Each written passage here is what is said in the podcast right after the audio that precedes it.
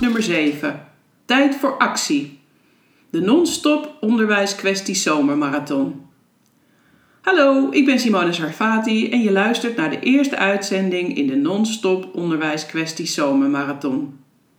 Tijd voor actie is de aftrap van deze zomermarathon met acht weken lang een dagelijkse podcast in mijn serie. De reden waarom ik mezelf en jou als luisteraar uitdaag met deze zomermarathon is dat ik verandering wil. Want leren is gelijk aan veranderen. En ik geloof dat het onderwijs ook tijdens de vakantie een boost mag hebben. De komende acht weken neem ik jullie mee in mijn gedachten over onderwijskwesties. Maar waar te beginnen? De structuurbehoeftige in mij, de didacticus, heeft een uitzendschema opgeleverd voor de komende acht weken, wat in te zien is op mijn website. In het kort komt het erop neer dat ik het bioritme van een onderwijsvakantie ga volgen. Mijn ervaring is dat een onderwijsvakantie zich kenmerkt in een aantal fases. De eerste is de fase van het afkicken, waarin je nog leerlingen of bijzondere gesprekken langs je netvlies ziet flitsen. Je je nog kunt opwinden over bepaalde frustrerende of juist boeiende gebeurtenissen. Je bent gaar, maar weet dat er een zee van tijd aankomt waarin je even afstand kan gaan nemen. Dan is er de fase van het bijkomen, waarin je reflecteert op het afgelopen schooljaar. Dit is de tijd waarin je voornemens voor verandering en beterschap worden geboren. De fase van het uitrusten. Je komt eindelijk aan jezelf toe en start met het lezen van die dikke pil, die al sinds de kerstvakantie op je lag te wachten, maar waar je de rust niet voor had. Dan is er de fase van het opladen. Je weet dat de vakantie ten einde loopt en start voorzichtig met het denken aan wat de start van het schooljaar gaat brengen. Je pakt nog een inhoudelijk boek mee of beluistert een podcast. Tot slot is er de fase van het opstarten, een nieuw begin. Je gaat alweer naar school om de klas in te richten, te vergaderen, vakantieverhalen te delen met collega's en het opdoen van inspiratie en goede moed.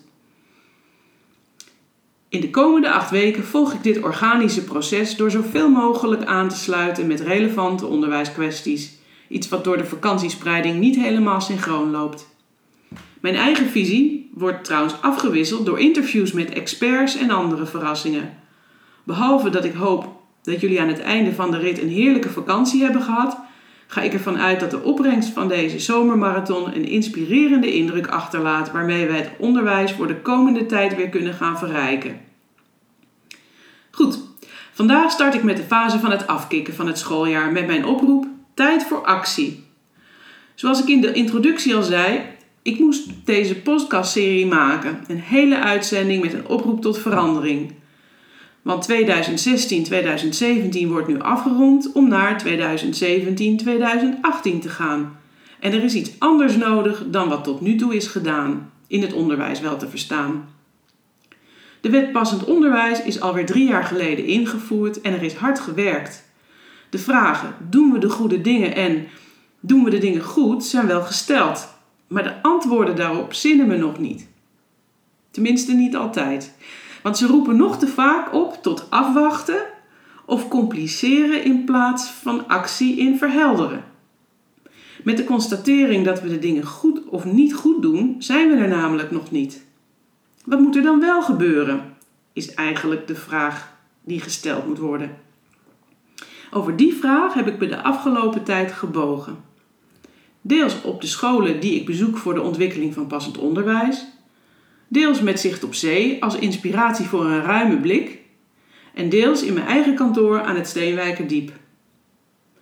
Feit is dat het met een investering van het ministerie van bijna 29 miljard euro over de verschillende onderwijssectoren nog steeds niet lukt om het onderwijs passend te maken. Dat betekent niet dat het niet haalbaar is om het wel te bereiken, alleen zijn er volgens mij andere stappen nodig. Dus, omdat ik in passend onderwijs geloof en ook al heel veel beweging zie die de kinderen op scholen brengen tot welbevinden, geef ik graag mijn visie op wat nodig is.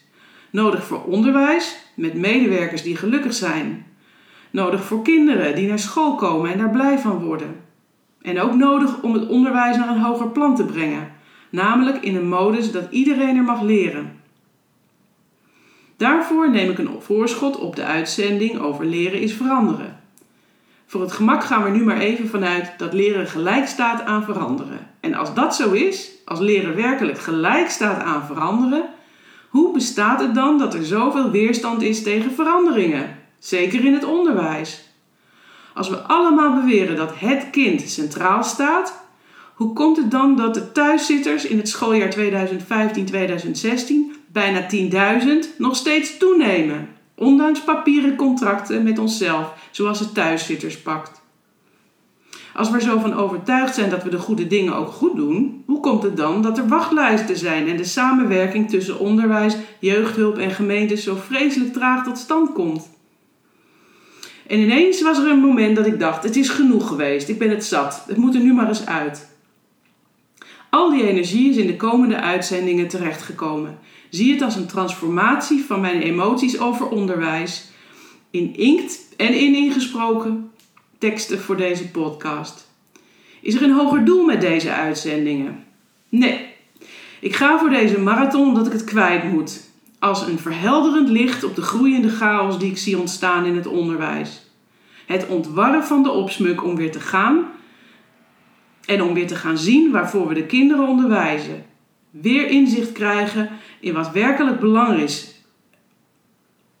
Weer inzicht krijgen in wat werkelijk belangrijk is in het onderwijs. Namelijk niet alleen de kinderen, maar ook de leraren die aan de andere kant van de lessenaar zo hard werken. Met zo weinig waardering.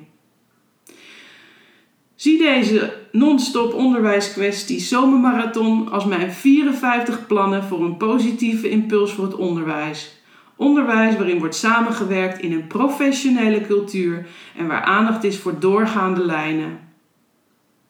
Tot zover de eerste uitzending van deze marathon. Het mogen duidelijk zijn, ik maak deze serie vanuit mijn passie voor onderwijs en het geloof in kansen en mogelijkheden. Maar dat is natuurlijk niet alleen aan mij. Dus als jij wil reageren, dan graag. Mail je bericht naar simone.sarfati.nu.